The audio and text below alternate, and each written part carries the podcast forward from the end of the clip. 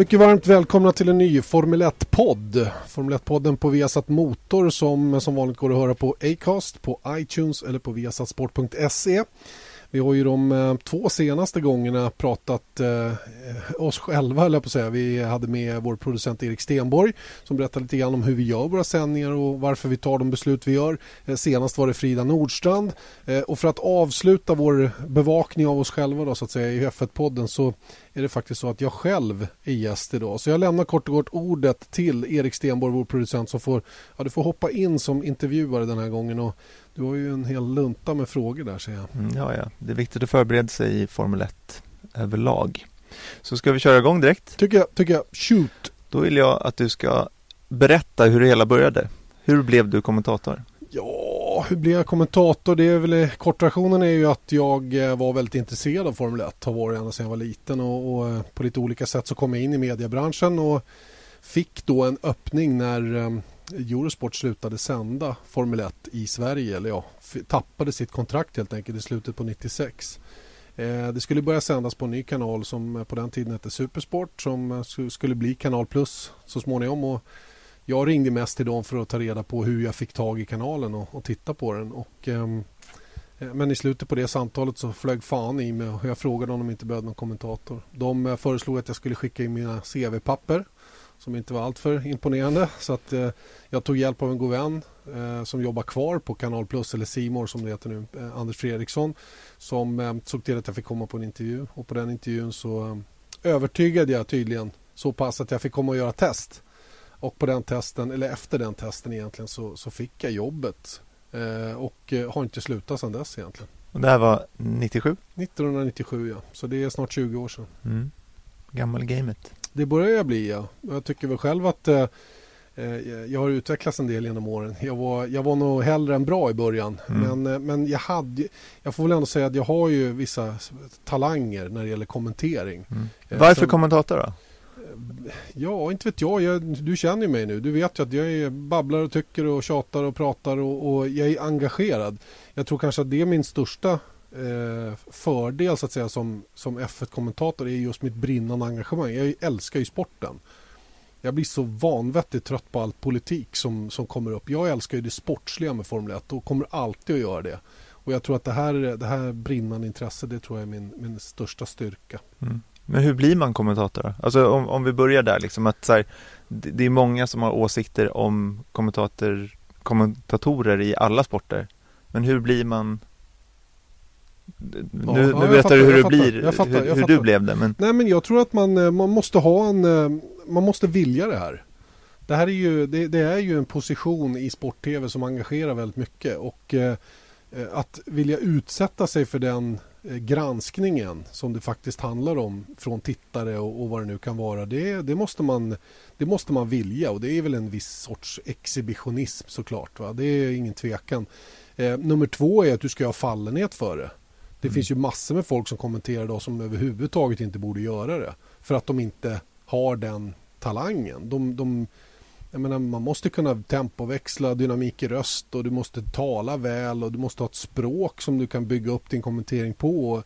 Du måste ha en känsla för när bilder och, och prat mm. ska, ska tala för sig. Och alla har ju inte det där. Eh, jag vet inte heller om jag har det till 100% men jag, jag har ju kommit så pass långt att, att jag, jag vet själv vad jag vill ha mm. från en kommentator och försöker jobba utifrån det när jag själv sitter där. Mm. Men det finns ingen kommentatorskola direkt?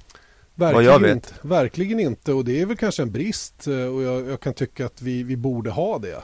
Eh, det borde finnas en, en eh, vad ska jag säga, en, en grundkurs 1A mm.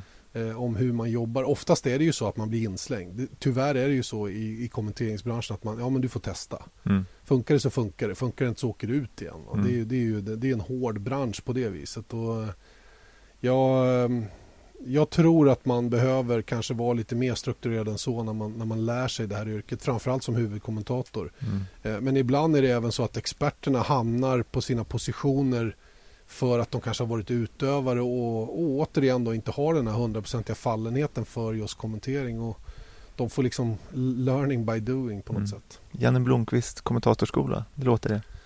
Det låter någonting det. Det kanske man skulle starta. Det är väl no det Ja. kanske är någonting för framtiden. Fan, här kan du tjäna jag grova skulle, pengar. jag skulle framförallt kunna lära ut en del tror jag. Utifrån mitt Mm. eget sätt att se på, på yrket. Mm. Har du gjort det i 20 år så borde du ha Ja. någonting. Och jag har gjort många olika sporter också ska vi komma ihåg. Det är inte bara motorsport.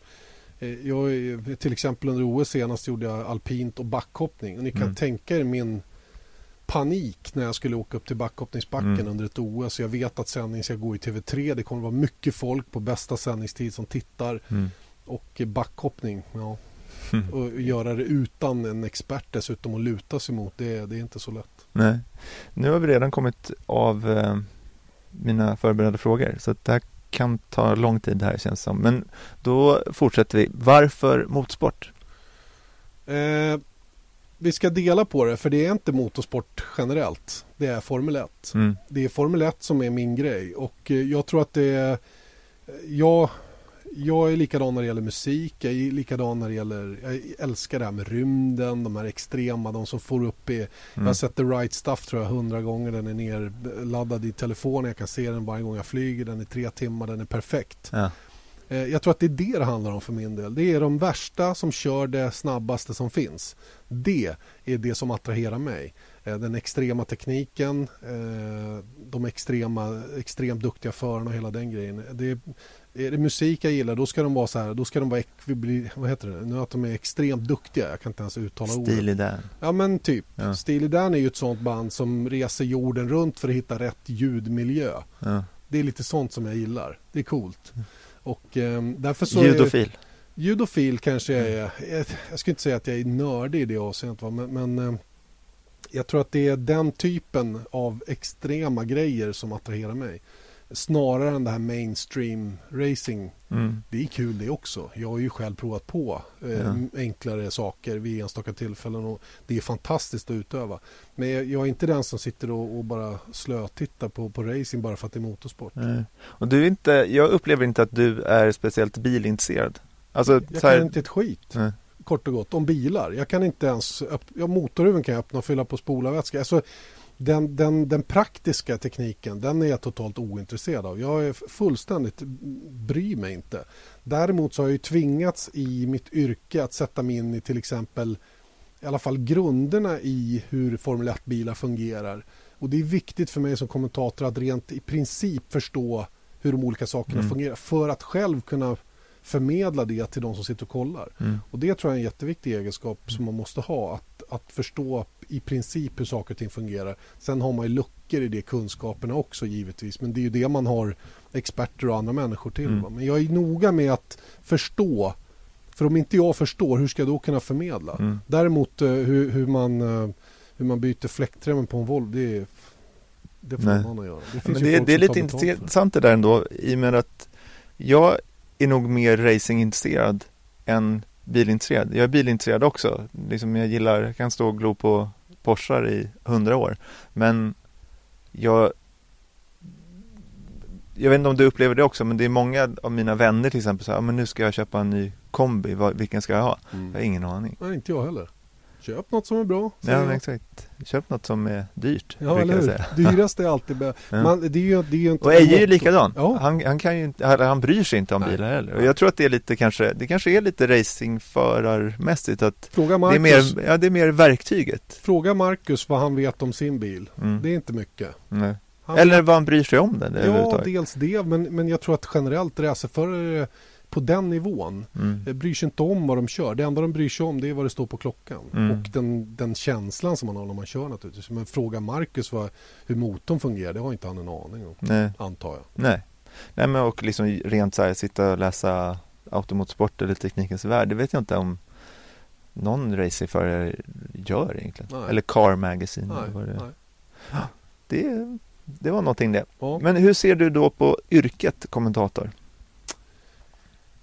Ja, det är ju en eh, funktion som, eh, som behöver finnas. Jag tror inte det är många människor som vill se en stum sportsändning. Mm. Eh, därför så har vi viktig, en, en viktig funktion. Sen finns det många olika skolor om hur det ska vara, hur mycket man ska prata och vad man ska prata om, hur mycket känsla man ska ha för bilder och så vidare. Men det är en extremt viktig funktion i sport-tv som, som jag sa tidigare, är väldigt engagerande. Folk ha, älskar och hatar kommentatorer. Mm. Och hatar, eller ja, älskar och älskar kommentatorer också. Det är många som får mycket cred också för det, för mm. det arbetet de gör.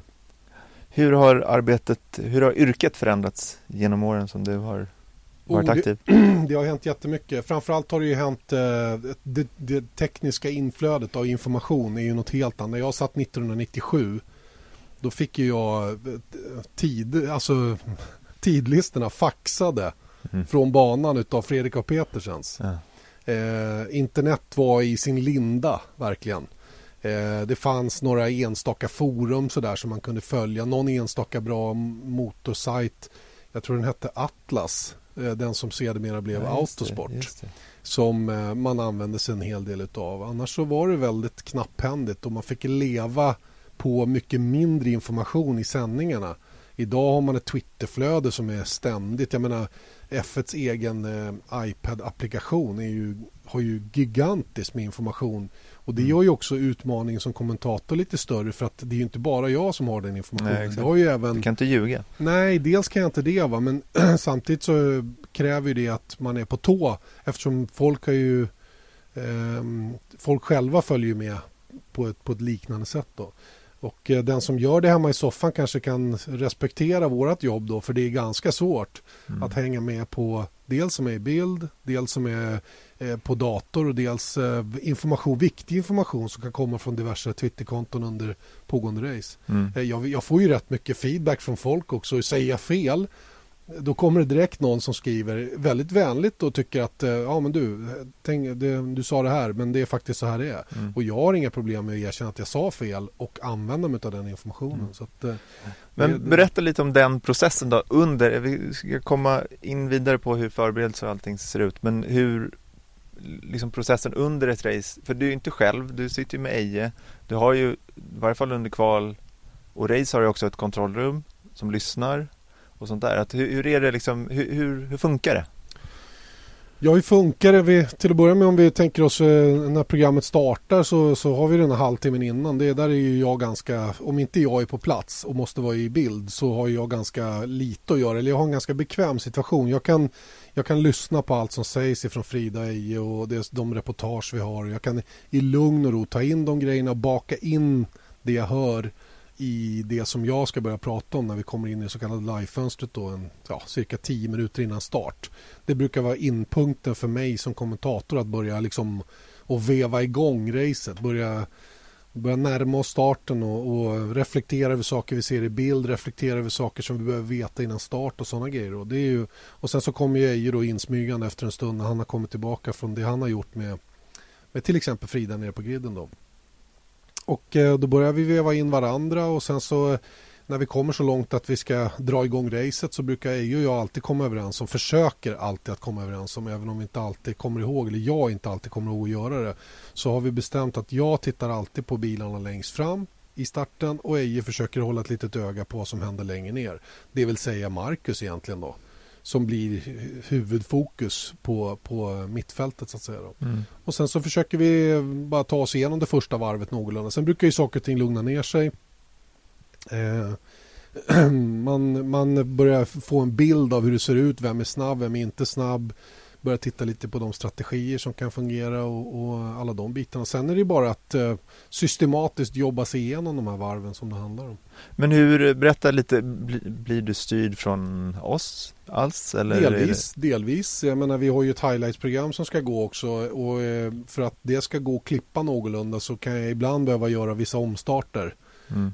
Och i våra kvalsändningar på lördagarna då är vi ju två kanaler som sänder samtidigt. Det är TV10 då för de som har fri TV och Viasat Motor för de som tittar reklamfritt. Och eh, det innebär ju också att vi får jobba på lite olika sätt för att det ska bli så att säga inom citat snygg TV då för alla som kollar.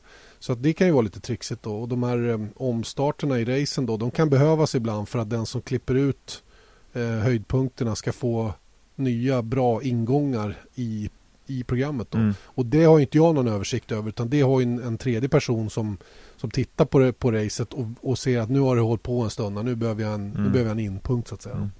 Men eh, du är ju van vid det, du gör det ju varannan helg i stort sett eller nästan varje helg. Mm. Men hur upplever du det att sitta i livesändning och kommentera någonting Ja, det är ganska odramatiskt nu för tiden. I början när jag började göra live etermedia överhuvudtaget så var jag ju så nervös att jag var i, mådde fysiskt dåligt.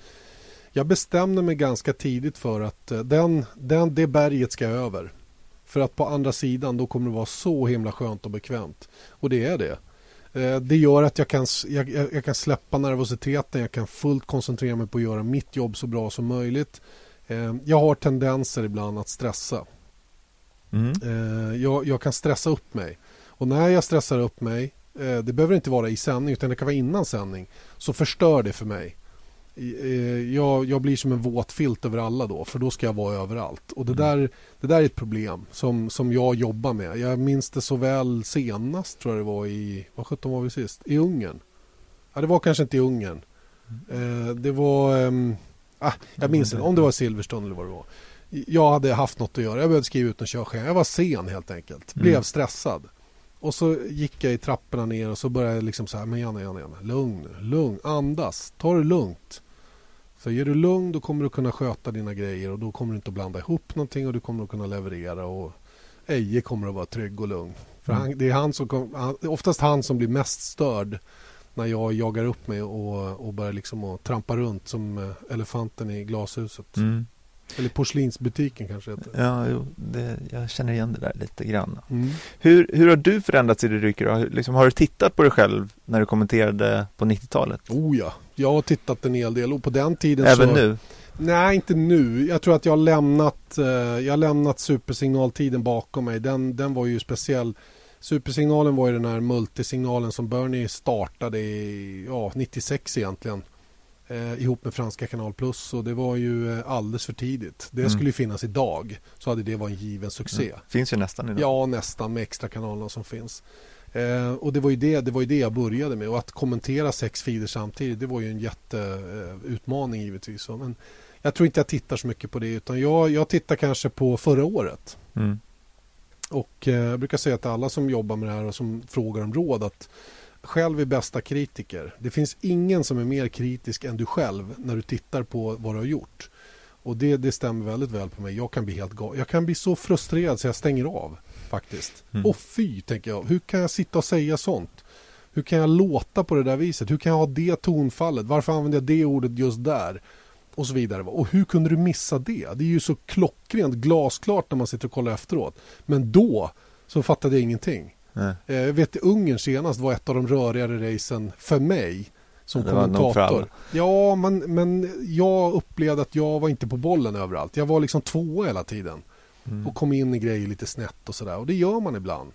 Eh, det, det, är inget man eh, planerar för utan det, det bara blev så. Det var ett... Eh, det var, ett, det var några som påpekade på min blogg bland annat Gud vad röriga ni var. Och det, jag håller med. Vi mm. var verkligen, jag kände det själv också. Mm. det här går inte bra. Ändå var det så pass bra race. Jag, mm. jag tror att vi kom undan med det. Mm. Men, eh, men eh, nej, man får, och då är det återigen, då måste man backa tillbaka.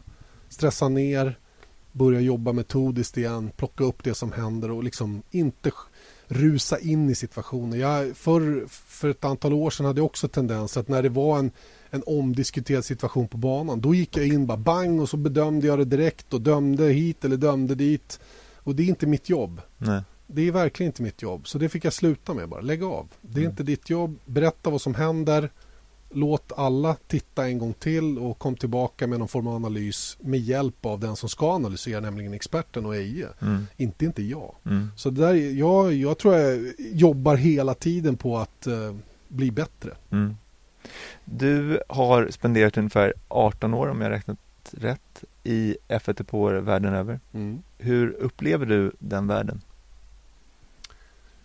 I början var den ju så exklusiv så att jag fick ju gå runt och nypa mig i armen. Eh, första gången var första året 97. Det var ju, jag kände mig som en seriefigur som de kunde sudda bort när som helst och mm. ställa sig och intervjua Eddie Jordan som var teamchef för, för Jordan Team på den tiden eller Clay Regazzoni som jag sprang på in i depån. Jag pratade med Ferraris Luca Baldisserri kommer jag ihåg. Mm. Baldisserri mm. idag, han är ju boss. Han är, jag tror han är... Han var ju så huvudingenjör eller huvudstrateg hos Ferrari i många år. Sen fick han backa tillbaka och eh, jobbade hemma i fabriken lite mer. På den tiden var frågan till honom hur är det att vara Ferrari-anställd? För det här var på Monza och, och liksom med pressen från Tifosi. Då var ju han i princip bara en vanlig mekaniker. Mm. Eh, och eh, Genom åren, ju längre tid man har varit och spenderat tid i depån så blir man mer och mer en medlem av familjen Formel 1. Och det kan jag tycka idag att, att idag är jag en människa som, som folk känner igen. Eh, jag, jag, tror att jag har hygglig respekt från andra journalister. Eh, en del av förarna vet ju vem jag är, att jag jobbar med Formel 1. Sen kanske de inte vet vilken tv-kanal exakt. Att vara två meter lång nästan och blond är ju mm. ingen nackdel på det viset. Eh, så att, eh, och sen eh, har tycker jag Formel 1-depån eh, blev ju då 97 när vi började, då var den ganska purtig. Då var det liksom så här några tältstolar och, och ett litet utfällt tak från en truck och några fina bord och, och lite sådär. Va? Mm. Och man klev absolut inte in och, och tiggde någon lunch hos någon överhuvudtaget. Sen var vi uppe då under tobakseran den värsta, den och ja, tobakseran och även under IT-boomen mm. så var det ju väldigt påkostat. Eh, då var det ju rena lyxrestauranger som fanns. Eh, sen så eh, dalade det igen, eller sen kom Red Bull in. Mm. Och öppnade stor, upp det Stor på. skillnad faktiskt. Ja men verkligen. Va? Energy Station eh, kom ju med, med all sin generösa hållning och alla som kom var inne i paddocken eller depån fick komma dit och äta och så är det ju fortfarande även om det har gått lite upp och ner där också med hur generösa man är. Men, men det är väldigt, väldigt... Eh, jag tycker idag har de hittat en bra nivå. Idag går det faktiskt eh, att leva och fungera in i paddock utan att behöva gå därifrån. Man kan käka, man kan hitta den information man behöver. Eh, datatrafik och sådana grejer börjar också bli hyfsat tillgänglig. Och, ja, jag tycker att eh, mm. idag, är, idag är Formel 1-depån en lättarbetad plats. Men kan du känna fortfarande att det, att det finns, att magin finns där? För att jag, så, likt eh, dig är ju jag en Formel 1-fan i grunden. Det var bara liksom något som man har följt sedan man var eh, liten pojke. Mm. På samma sätt som du. Och jag, jag är inte ute alls lika mycket som du. Men jag kan varenda gång jag går igenom det där tut, tut, med sitt egna pass. Mm. Jag kan tycka att det finns en magi. Oh. Har du kvar? Ja, ja, ja, absolut. Det där är ju Ja men så pass ödmjuk är jag så jag fattar hur jädrans eh, privilegierad jag är som, som har sån tillgång till allting. Och det har ju blivit ännu mera så med Marcus intåg i Formel 1, Marcus Eriksson som, som har gjort att man ännu mer kommer in i den här eh, världen på något sätt. Och jag, jag måste säga att eh, den magin tror jag aldrig kommer att försvinna och det, det är ju faktiskt Bernie Ecclestones förtjänst att det är så här. Han, han tar inte in mer än 3, 350 personer inne i paddocken varje helg. That's it. Mm. Ingen annan har tillträde in där och jag är en av dem. Mm. Det är rätt okej. Okay. Mm. Och det får man vara ödmjuk för inför och eh, det är eh, det är lätt att gnälla på Bernie och allt han håller på med hittan och dittan. Va? Men det är en kille som eh, dels har gjort den här sporten väldigt framgångsrik. Han har dels sett till att väldigt många har blivit väldigt rika på det. Och eh, han, har, eh, han har koll. Han är gammal men han har koll fortfarande. Han har kanske inte hundraprocentig koll på alla områden men han är väldigt, väldigt duktig på att hålla liv i den här sporten. Mm. Hur ser umgänget ut för din del där inne? Vilka hänger du med? Jag hänger med eh, Eje och Mange. Det är väl de jag hänger med i första hand. Jag har, eh, jag har fått bra kontakt med våra finska kom kommentatorer.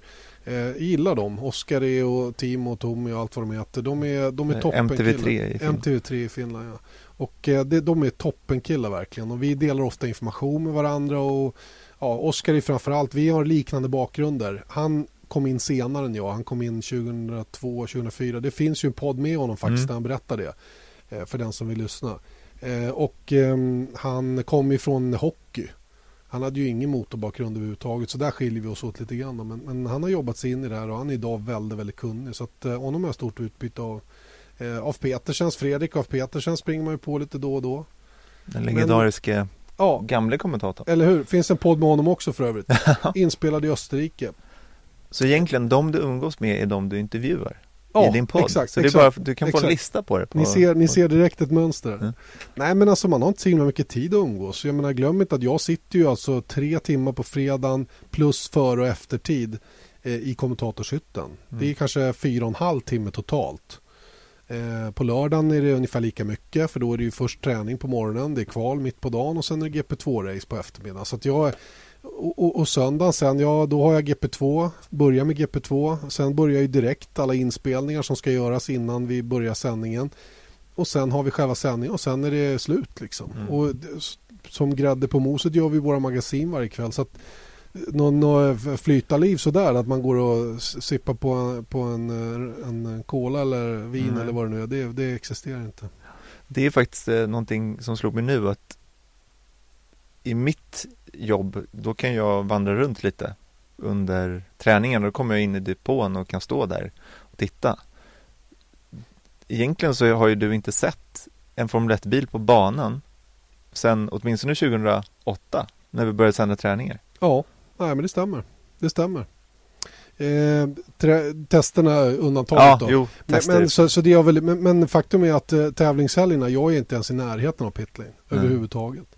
Jag, jag har inte tid att vara där. Jag behöver inget pass med access in dit överhuvudtaget heller. Utan jag, det jag behöver det är att få komma in i paddocken och komma till kommentatorshytten. Det är liksom Mm. det är mitt. Så att det är fulla dagar verkligen. Och vi, vi åker ju sällan senare än åtta ut i banan och vi är sällan hemma före klockan åtta på kvällarna. Mm, nej, det händer inte. Och, det, och det, är, det är mycket att göra rakt igenom och, och ja, det, det är fullt jobb. Jag gör mina 40 timmar på helgen, Mm. drygt. Verkligen. Mm. Känner du några förare? Känner och känner, ja en. Ja, jo. Ah, känner skulle jag inte säga. Jag har väl kanske blivit bekant. Nej, inte ens det tror jag. Ja, på en flygplats som jag springer på Nico Hülkenberg, det är klart vi skulle morsa på varandra, det tror jag. Mm. Så mycket har vi liksom sett varandra inne i depån eller, eller så. Va? Men, men, eh, och Bottas, eh, han är ju alltid en hyvens kille. Han Mm, skakar Bottas, alltid eh, hand och, och liksom sådär, han, Det är en redig karl, Mm. det kan jag tycka. Eh, Men, men nej, jag känner inga förare. Inte privat. Inte Verkligen. några aktiva i alla fall. Nej, nej. Några icke-aktiva har man ju däremot blivit lite polare med och är mera tjenis med. Ivan Capell är ju en god kompis till, till Eje som eh, vi har stött ihop med. Eh, Christian Danne jobbar ju för tysk tv. Honom morsar man också på lite då och då. Jag menar de, Johnny Herbert. Johnny Herbert är ju väldigt eh, god och glad och, och alltid öppen och, och pratbar. Eh, vad har vi mer? Damon Hill. Damon Hill. Mm, inte lika ofta med honom. Eh, finska förarna som har varit Mika Salo. JJ. Eh, JJ, JJ var man ju, ja honom blev man väldigt bra kompis med så att säga inom yrket då. Så att det, det är väl de skulle jag säga. Mm. Hörru du, eh, det är bara motorsport i stort sett mellan februari och november. Mm. Vad gör du övrig tid? Bloggar om motorsport och poddar om motorsport och ja, försöker väl att föra ett någorlunda normalt familjeliv. Men jag har inte så himla mycket tid att göra annat. Jag kanske Kanske får något konferenseruppdrag eller, eller sådana grejer. Jag jobbade uppe på i Hallstavik med SM-finalen i speedway till exempel i sommar. Och jag gör lite sådana grejer. Det som, det som dyker upp så att säga under resans gång. Då. Mm. Hur känner du att det är att jobba i stort sett varje helg? Hur funkar det? Det är en livsstil har det ju blivit. Det är väl inte så roligt kanske för, för min fru då men eh, hon har ju varit väldigt förstående och, och, och jag höll ju på med det här när vi träffades. Så, så, så att eh, i det avseendet så visste hon ju vad hon gav sig in på. Sen kanske det har blivit lite mer eh, nej, jag, jag ska säga det, det är en livsstil. Hon, hon, är- hon är med på noterna. Vi lever ett liv där jag har helg måndag, tisdag. Mm. Och, eh, och sen, eh, för mig, jag tänkte på det igår senast. Jag har inga riktiga veckodagar. För mig är det liksom, det är helg när det passar och det är vardag när det passar. Liksom. Det, är inte, det, är, det är inte så strukturerat som svensken är i övrigt med måndag till fredag och sen så dricker man Mm. fredagsgrogg och sen gör man något kul på lördag kväll och så på söndag vilar man och på måndag börjar man jobba igen. Alltså nej, Mm. så, sånt liv har inte jag. Nej. Din son Rickard har klagat mycket på över att du aldrig är hemma på hans födelsedag. Hur Exakt. känns det egentligen? Ja men grejen är att. Fyller man år på sommaruppehållet för Formel 1 då får man skylla sig själv.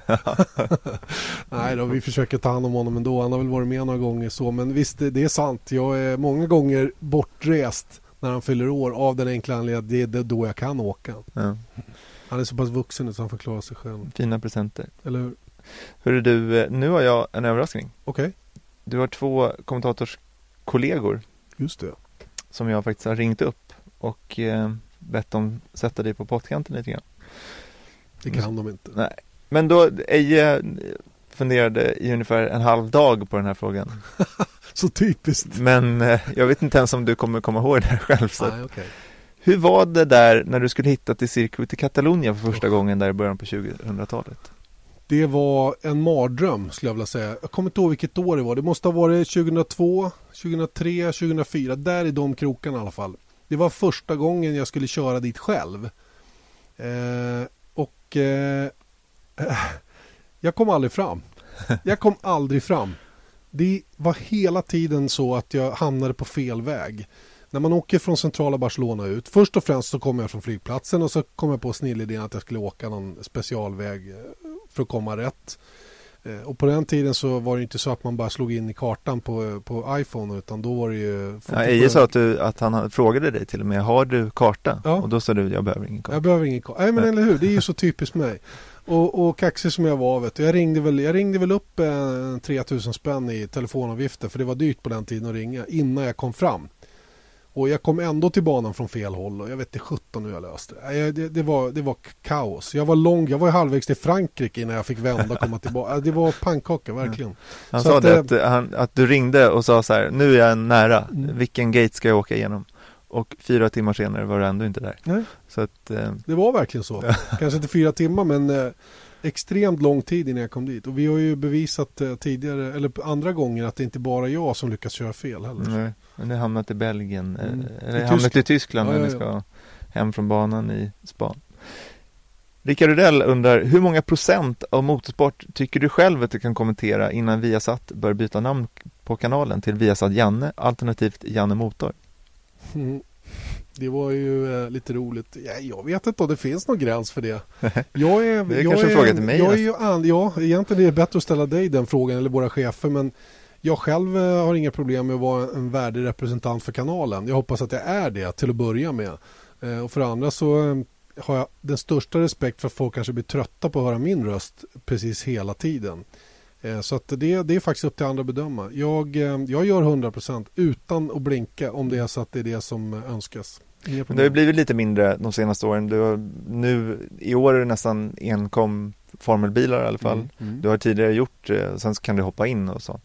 sånt men du körde MotoGP alltihop tidigare. Oj, vilka, vilka, vilka säsonger. Ja. Saknar du det? MotoGP? Det, det Ja, på ett sätt gör jag det. Jag tycker det var jättekul att jobba ihop med Tobbe, Tobias Lions, som fick ta över rollen som huvudkommentator. Från att vara expert? Ja, från att ha varit expert. Mycket på min inrådan för jag tyckte att han var värd den chansen och jag tycker att han är tillräckligt duktig för det. Jag hade ju inte alls någon bakgrund i MotoGP. Jag hade väl följt, jag tyckte MotoGP var fränt när Mick Doohan var jätteskarp och, och vann det mesta. Även när Rossi hade sin absoluta storhetstid, även om han fortfarande är kvar.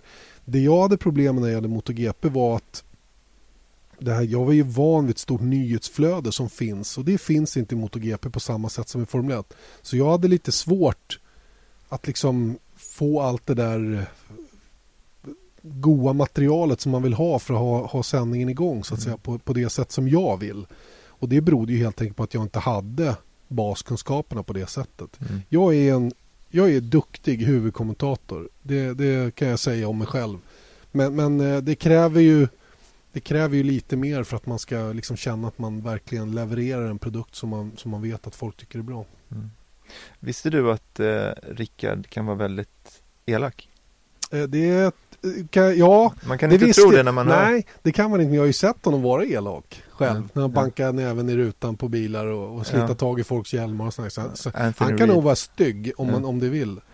Ja, för här kommer en fråga. Hur många motorsporttitlar har du? Jag undrar eftersom du verkar vara expertkommentator också. Ja men eller hur. Det är ju faktiskt en relevant fråga. Och det är ju en sån där sån där som dyker upp ibland. Hur kan den här jävla Janne Blomqvist sitta och tugga och tycka så jävla mycket? Han kan inte ett skit. Mm. Han har väl aldrig kört någonting? Mm. Nej, det har jag inte heller.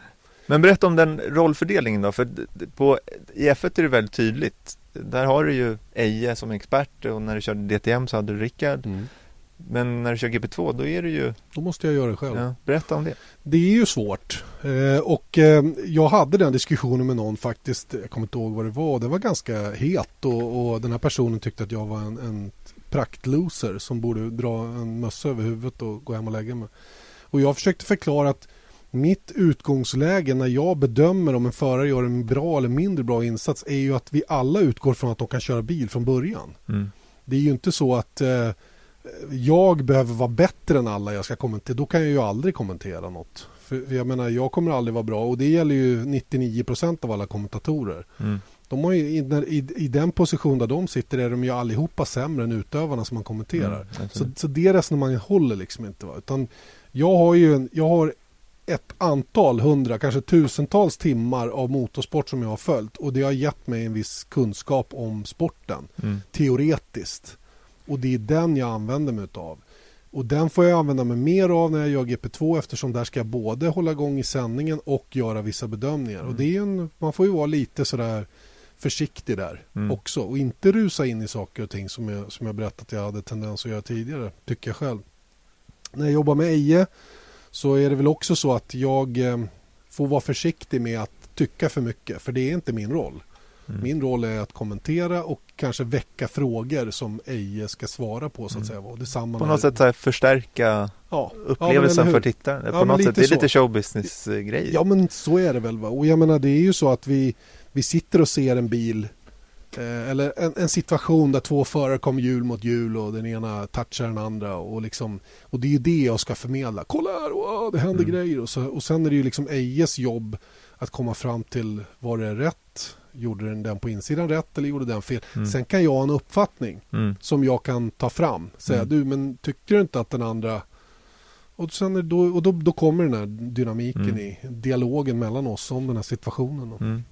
Jag har faktiskt eh, tagit lite eh, frågor till dig på Facebook men då kan vi börja med den apropå att någon eh, negativ kritik. Mm. Det är också en fråga från Rickard. Hur hanterar du negativ och positiv kritik? Läser du den?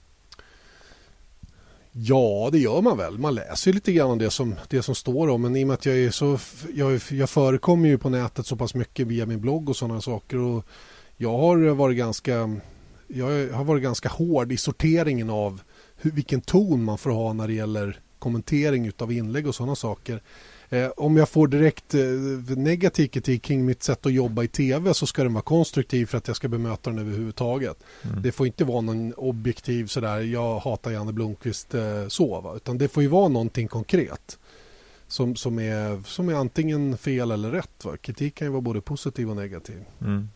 Men det, där är också en grej som har förändrats i, ja, det är inte bara för dig men för, för alla egentligen att nu Viasat Motors Facebook-sida har nästan 40 000 följare Mm. och helt plötsligt så finns det ju ett fönster för Att tittare att tycka saker tidigare och det är ju positivt Mm. i grunden. Mm. Men det är också Det kan ske väldigt fort. Hur, hur, alltså, gör du något fel så får, då kommer det ju tio Ja, ja. kommentarer på inom Oh, ja. 30 sekunder. Det säger bara pang det och det får man ju lära sig leva med. Men om man inte tål det Mm. då är man i fel bransch på något sätt. Jag menar, det som, är, som vi började med, det är ju en väldigt utsatt position. Och eh, alla älskar inte det man gör. Och det är inte därför jag sitter där. Jag sitter inte där för att alla ska älska det jag gör. Jag sitter ju där för att eh, ge en bra produkt i, tillsammans med de bilderna som tv-kanalen Viasat har köpt in i det här fallet. Och det är ju det som är mitt jobb. Och sen eh, för ska man sitta och vara alla till lag, så rolig blir man då? Liksom? Om man bara sitter och är så här svävar på målet med allting. Man måste ju på något sätt ha någon...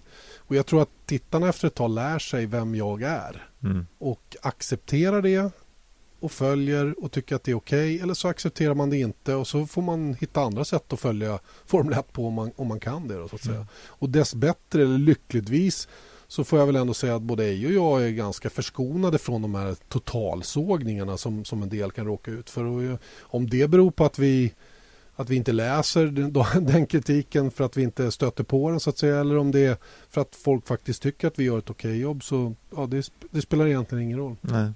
Men jag, tror, jag upplever också att när det kommer kritik liksom kanske mot vår produkt som vi försöker skapa. Det är också jag, det är inget försvar men jag tror också att folk brinner så mycket för Formel 1 i Sverige trots allt. Alltså med tanke på att det är en ganska liten sport om man ser det jämfört med fotboll liksom. Mm. Men det är ju oerhört många engagerade Alltså vi har lika många, om man tittar på Facebook-följarna igen så är vi har lika många som vi har satt hockey har och Mm. hockey är ju är nationalsport nästan. Eh, vilket är häftigt. Men vi jobbar ju samtidigt med produkten som Alltså det finns en analys bakom varför vi gör saker. Just det. Det är inte bara så att vi bara så här, Inte random gör Inte saker utan... Du, nu kom jag på en sak, apropå random göra saker. Mm.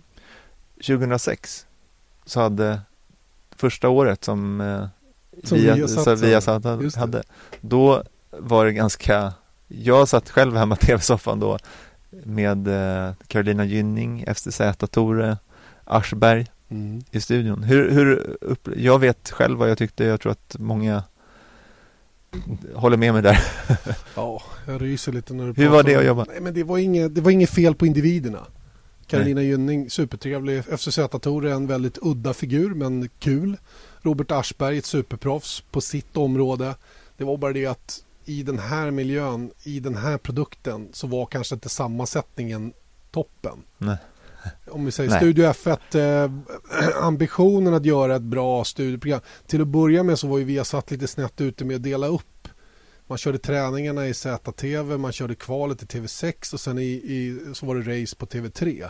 För att man ville sprida det här. Och det var ju säkert en, en, en bra tanke på pappret att det skulle vara på det viset. Och det, det, det gjorde det lite knepigare. TV3 hade en väldigt tydlig profil på hur det skulle se ut och vilka man ville nå i första hand och så vidare. Och det var ju därför programmet såg ut som det gjorde. Carolina Gynning och FCZ Mm. Tore. Det, skulle, det var lite lyteskomik tycker jag. Det var synd för att Formel 1 förtjänar bättre. Mm. En seriösare, ett seriösare anslag. Och eh, det, det blev ju bara ett år. Sen bestämdes ju eh, kanalen för att göra det här mer tydligt till en sportprodukt helt och hållet. Och då, då blev det ju först och främst Eje och jag då som fick ta hand om det mesta. Mm. Vi stod på bondgårdar och filmade oss själva och vi stod på parkeringar på Silverstone och, Mm. och intervjuade andra journalister. Och vi, ja, vi, vi fick verkligen vara kreativa för att få till något överhuvudtaget. Och eh, kör, jag fick låna stativ ibland för det hade fastnat i bagagehanteringen. På någon, du vet, det var Ja. kaos. Man skickade hem material ibland. Den allra värsta egentligen den stod ju Eje för när han skulle leka fotograf. eh, Det var när, när Heikki Kovalainen vann ungersk GP Det 2008. är så sjukt att tänka sig att Ja. Eje. Ja, men det här var kul. Det var, en, det var en speciell historia. Det är ju egentligen taskigt mot Eje men han gjorde så gott han kunde. Det var så här vi ställde upp kameran, vi hade fått tid med Heikki och det här var halv tolv på söndag. Ni fattar, det är två och en halv timme till racestart. Och vi har egentligen inte tid med det här. Sjukt stressade, upp på övervåningen i, i deras eh, motorhome. Eh, sätter Heikki på en stol, säger till du se till att finländaren är i ena hörnet, att Heikki är i ena hörnet utav bilden och, och jag snett emot. Du vet sådär klassiskt som man gör i tv. Och så kör vi bara. Jag testade ljudet, satte på dem en mygga, mygga och sen drog vi på. Och bara det att Eje satte Heikki i fel hörn. så att, eh, och, och, och det, vi hade motljus och det, du, vi gjorde alla fel i världen. Och när vi fick se det där, jag höll ju på att gråta blod. Det var ju liksom, och på den tiden var det inte så lätt att få eh, intervjutid med förarna. Vi var ju liksom inte etablerade Nej. på det sättet i depån. Så att det var en eh, det var en episod vi gärna glömmer bägge två. Men Heikki gick ju och vann det där racet så vi var ju rätt på det i alla fall. Mm, Han hade tagit pole och alltihopa. Det brukar vara det. Mm. Allt var inte bättre förr. Verkligen inte. Nu lite Facebook-frågor. Ja, kör hårt. Thomas Appelqvist, Ja. apropå Eje, frågan Helt ärligt, hur är det att jobba med Eje? Det är toppen. Allvarligt talat. Eh, en mer generösare och, och trevligare människa får man leta efter faktiskt. Eje, eh, Eje är ovärderlig för mig, tror jag, för Viasat och jag tror faktiskt för, för Formel 1-publiken. Jag vet att han inte har fans i alla läger. Eh, han, han eh, får kritik för saker och ting. Men ni ska veta att Eje är ovärderlig. Med inte, alltså det, handlar, det här jobbet handlar inte bara om vad du gör i själva rutan utan det är allt runt omkring. Och där är han, han är kung, verkligen. Jag Mm. måste verkligen hylla Eje där. Han är den bästa. Mm, får jag hålla med. Mm. Apropå Eje, vi fortsätter. Robin Broman frågar, har du och Eje bråkat någon gång angående, angående vad som har sagts i sändningen? Inte vad som har sagts men vi har bråkat om vad som hände. Eh, och det var, jag vet inte om ni minns det, det var väl också 2008 tror jag i Malaysia. Kommer ni ihåg det? Då, på den tiden när man hade kvalat färdigt så ville ju alla köra långsamt tillbaka till depån. Ja, för det. att eh, spara bränsle. För då, då kvalade man med start, startmängden bränsle. Och eh, alla var ju jättenojiga över att köra för fort. Och eh, McLaren-förarna, tror jag, åtminstone en av dem blev bestraffad. För, eller om det var bägge två, jag kommer inte ihåg. Det var Heikki, Eh. det måste ha varit Heikki och, eh, och Lewis va? Som körde, 2008. Ja, ja. Så var det. Efter Alonso. Just det, efter Alonso. Och eh, de blev bestraffade och, och Eje var totalt vansinnig över det här. Han, han, var, han verkligen tyckte det här var så galet som det bara kunde bli. Eh, jag däremot kunde se att, att de faktiskt hade gjort lite galet. De hade hamnat tokigt till i någon kurva, jag minns inte vilken, och hamnat i vägen för någon som låg på ett hotlap. Och, de, och den här diskussionen den tog aldrig slut. Vi höll på hur länge som helst. Och vi var egentligen inte osams på varandra. Det var bara det att argumentationen för respektive sak pågick väldigt länge. Ja. Och eh, vi satt på hotellet där och gastade åt varandra och det var väl efter några pilsner kanske eller något glas vin. Så det var, du vet, det var så här lagom fired up på något Ja. sätt. Va? Och eh, jag hade väldigt, väldigt svårt att förstå hur han tänkte och han hade precis lika svårt att förstå hur jag tänkte. Eller så förstod vi hur vi tänkte men vi höll inte med bara. Ja. Så att det det är väl egentligen enda gången vi har haft en riktig argumentation. Sen har vi vi har haft en, en incident tidigare, jag ska inte gå in i detalj med den, men det, det, var, det var en sån här sändningsteknisk detalj efter Brasiliens GP 2012 när jag inte hade skött mina kort riktigt och Eje var väldigt, väldigt besviken på mig, tror jag, mer än arg över att det blev som det blev. Och eh, det redde vi ut och eh, gick vidare i livet. Ni är som ett gift par. Ja, men lite så. Vi har ju till och med kallat varandra vid våra fruars namn Ja. i direktsändning. Båda i Singapore, ett år emellan. Ja, det kanske det var. Det är Ja. helt otroligt. Ja. Att här, eh, jag vet inte Barbro. Eller Eje. Och sen Och bara, eh, året efter, ja, då fick Eje Ja. ett sms från Ingela, hans fru. Så då kom det till Ingela till ja, mig istället. ja. Ja, ja, så kan det gå. Thomas Robertsson frågar snyggaste F1-bilen genom tiderna. Ja, du, snyggaste F1-bilen. Det är ju så subjektivt. Jag funderar inte så mycket på hur Formel 1-bilar ser ut egentligen. Men jag tycker väl att de bilarna som användes 94-95 där, den- den typen av F1-bilar gillar jag. De var breda, breda slicks, de var råa, coola. Mm. Så att, eh, jag säger någon av dem då. Jag såg att någon hade lagt upp en bild på en Rothmans, eh, en Williams där. Den, den, eh, ja, jag kan köpa det. Det, är- det är en snygg bil, absolut.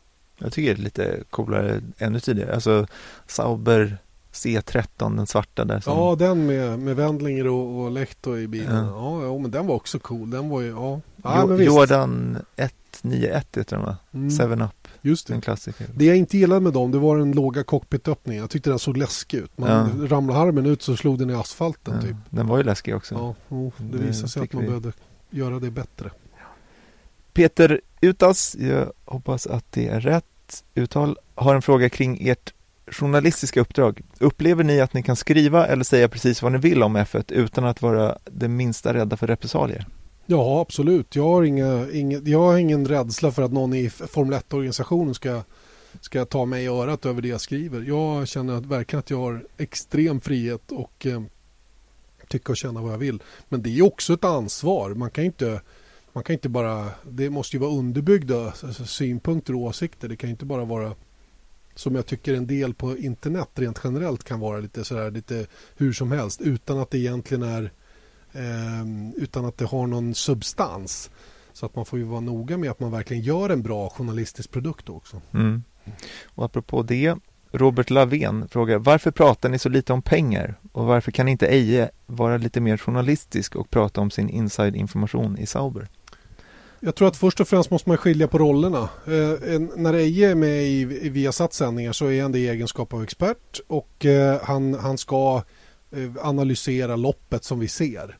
Sen har ju vi som alla vet lite annan tid under träningarna när vi kan vara lite mera gå lite mer på djupet med vissa saker och i, i våra magasinsdelar och, och när det är studieuppsnack och sådana saker så är det också i huvudsak fokus på det som händer där och då. Sen har ju Eje ett annat uppdrag som rådgivare till Marcus Eriksson och det är ju en helt annan femma och det är ju ingenting som Viasat anlitar honom för att vara. Utan det är ju en, det är en, det är en annan eh, det är en annan det är ett annat uppdrag så att säga va. Där han utan egen ekonomisk vinning faktiskt finns med och eh, supportar Marcus, ser till att eh, beslut som tas runt omkring honom praktiska som, eh, som eh, vad det nu kan vara runt omkring teamet och relationen med, med ingenjörer och sådana saker finns till hands så att säga. Va? Och det ska ni veta allihop att han är inte, han är inte hands-on inblandad på Marcus under en tävling, så är långt därifrån. Han finns med där som en support och stöd och all, all, all tid av banan, vid sidan av banan, då har han naturligtvis möjligheter att styra saker och Han, han kanske har kontakt med teamet på ett sätt som gör att han vet lite mer än alla andra hur, hur saker och ting fungerar. Men, men det, är ju, det är ju så Ejes roll ser ut. Och den är vitt skild ifrån den vi har när vi nyttjar honom i Viasat. Det är klart att vi har nytta av Eje, det är ingen tvekan. Vi har jättestor nytta när det gäller informationen från Sauber-teamet. Mm. Och jag tycker att den får vi. Den, ja, ja, den alltså, informationen får mm. vi, rakt upp och ner. Och när det gäller pengar så är alla kontrakt är konferentiella. Det finns inga möjligheter för någon att avslöja någonting om några pengar överhuvudtaget i Formel 1. Alla siffror som förekommer är konferentiella och alla siffror som, vi, som kommer ut är rena spekulationer eller uppskattningar. Det finns inget. Så det finns inget som går att säga om det. Mm. För det vet man så har man inte tillåtelse och eh, ofta så vet man inte utan man uppskattar, tror, ja, mm. så. Mm. Så det, vi egentligen, det du egentligen säger är att det kommer ju uppgifter om till exempel hur mycket, det, det var ju tidigare runt Monaco-helgen tror jag, mm. om hur eh, pengarna från FOM fördelades teamen emellan. Och det är ju också, visar det sig att det är liksom, det kan vara mer eller mindre rätt. Men det är inget officiellt, det är inte så att han har fått eh, Verkligen inte Att Dieter Renken har fått liksom papper på att så här ser det ut Utan, det är utan ju... han har väl luskat runt och, mm. och, och, det är inte hundraprocentiga uppgifter det, det, måste man ha klart för sig alla sådana där uppgifter om hur mycket förarna tjänar och så vidare. Det är rena uppskattningar. För kontrakten är hemliga. Mm. Punkt slut. Så är det. Mm. Andreas Olström frågar, har du ditt drömjobb? Ja, det skulle jag nog påstå. Jag, jag, tror att eh, det är många som skulle vilja ha det om, om man kände att man kunde det. Och eh, jag vill definitivt påstå att det är mitt drömjobb i alla fall. Jag jobbar egentligen med min hobby. Jag skulle följa Formel 1 precis lika noga även om jag inte jobbade med det så att säga. Så att, att dessutom då få eh, skapligt betalt för det jag gör det är, det är jag väldigt, väldigt glad över och eh, ödmjuk inför. Mm. Följdfråga där från honom. Är det jobbigt att vara en offentlig person? Jag är inte en offentlig person på det sättet. Hur den är så har jag radioutseende och, och håller mig oftast i bakgrunden. Så att det är inte så att jag okej, okay, åker jag till Mantorp på en STCCL så är det klart att folk känner igen mig.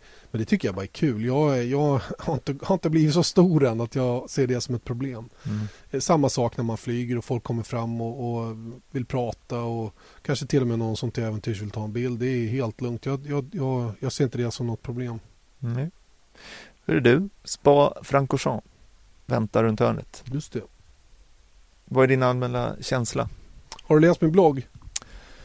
Det senaste att du mådde dåligt? Ja men alltså det, det, banan har ett stort, eh, en stor plats i mitt eh, racinghjärta så att säga. Det, det var ju det jag beskrev i bloggen där att, att eh, det har hänt så himla mycket när man har varit där och det är ju ett extremt konstigt ställe. Det ligger ju väldigt oländigt till uppe i Ardennerskogen i bergen där. man ser skyltar om skidliftar och grejer. Man fattar ju att det här är ett vintrigt område på vintern. Eh, banan är antingen uppför eller nerför. Det är, det, det är eh, kalenderns längsta, över 7000 meter. Eh, den är, den är helt enkelt det värsta som finns, tror jag, banmässigt i världen. Och därför så blir den ju oerhört speciell den här helgen. Belgiens GP är ju speciell. Det regnar nästan alltid. Mm. Stämning... Det ser ganska okej ut den här helgen? Ja, alltså jag har väl sett så både och. Så ja. att, men jag har ju lärt mig det att åker du till Belgien då åker du inte dit utan regnkläder. Så är det bara. Mm. Eh, jag har sett folk på de här campingarna. De eldar, dricker öl och det är lera och det är sol. Det kan vara extremt varmt också ibland. Ehm, så att, eh, och dessutom racingen som sådan har ju ofta varit väldigt, väldigt bra på just den här banan. Vad ser du fram emot mest? Vad, vad, tror du kommer, i och med att det är jag som ställer frågor till dig nu, nu får du tycka. Mm. Va, vad tror du? Jag tror, jag hoppas att fighten mellan Mercedes-förarna fortsätter. Jag hoppas att någon där bakom har tagit lite kliv framåt. Eh, det är ju ändå det vi på något sätt får hänga upp den här säsongen på. Merca är så pass starka i år så att, att någon ska kunna rubba dem från att vinna VM det, det finns liksom inte. Utan där får vi hoppas att Rosberg Hamilton likt förra året kan ha en liten, eh, en liten dust. Sen behöver de inte putta varandra av banan eller punktera varandras däck. Det är inte det jag säger men att det blir lite rock'n'roll de två emellan. De är, de, den här bilen är så bra så de är de enda som kan utmana varandra. Mm. Sen får man ju se, sen är det ju desto mer spännande om tredjeplatsen. Red Bull fortsätter de att vara starka på den här motorbanan som, Red, mm. eller som Spa är. Eh, Honda påstår att de med sin nya uppdatering ska vara närmare Ferrari i output från sin power unit. Till och med matcha Ja, och jag menar Säger samtidigt de. läser jag i nästa, i nästa artikel att ja, men Belgien det passar inte karaktäristiken på vår nya motor. Och vi kommer att få bestraffning eftersom de nu kommer att ta ytterligare en ny motor så att de kommer att få en tuff helg rent generellt. Mm. Men, sen... men apropå det där med Mercedes, alltså det är ganska intressant ändå tycker jag att när de är ju bulletproof mm. fram tills att de inte är bulletproof. Just det. Då de går har... det åt skogen alltså. Om man tittar på, nu var det personligt för Hamilton i Monaco när de gjorde det strategiska misstaget. Mm. Eh, I Ungern, det blir katastrof mm. med jag tanke på vad de har. Jag tycker det är kul att se faktiskt att de har glömt bort att racea de andra. De har mm. bara raceat varandra och de har gjort det så tydligt så att de har liksom inte behövt bry sig om Ferrari eller någon eller Williams eller vilka det nu må ända vara. Och det där har gjort dem oerhört sårbara. För att nu snart måste de börja ställa om. Kanske redan här i Belgien igen som de, som de misslyckades med att göra i Ungern.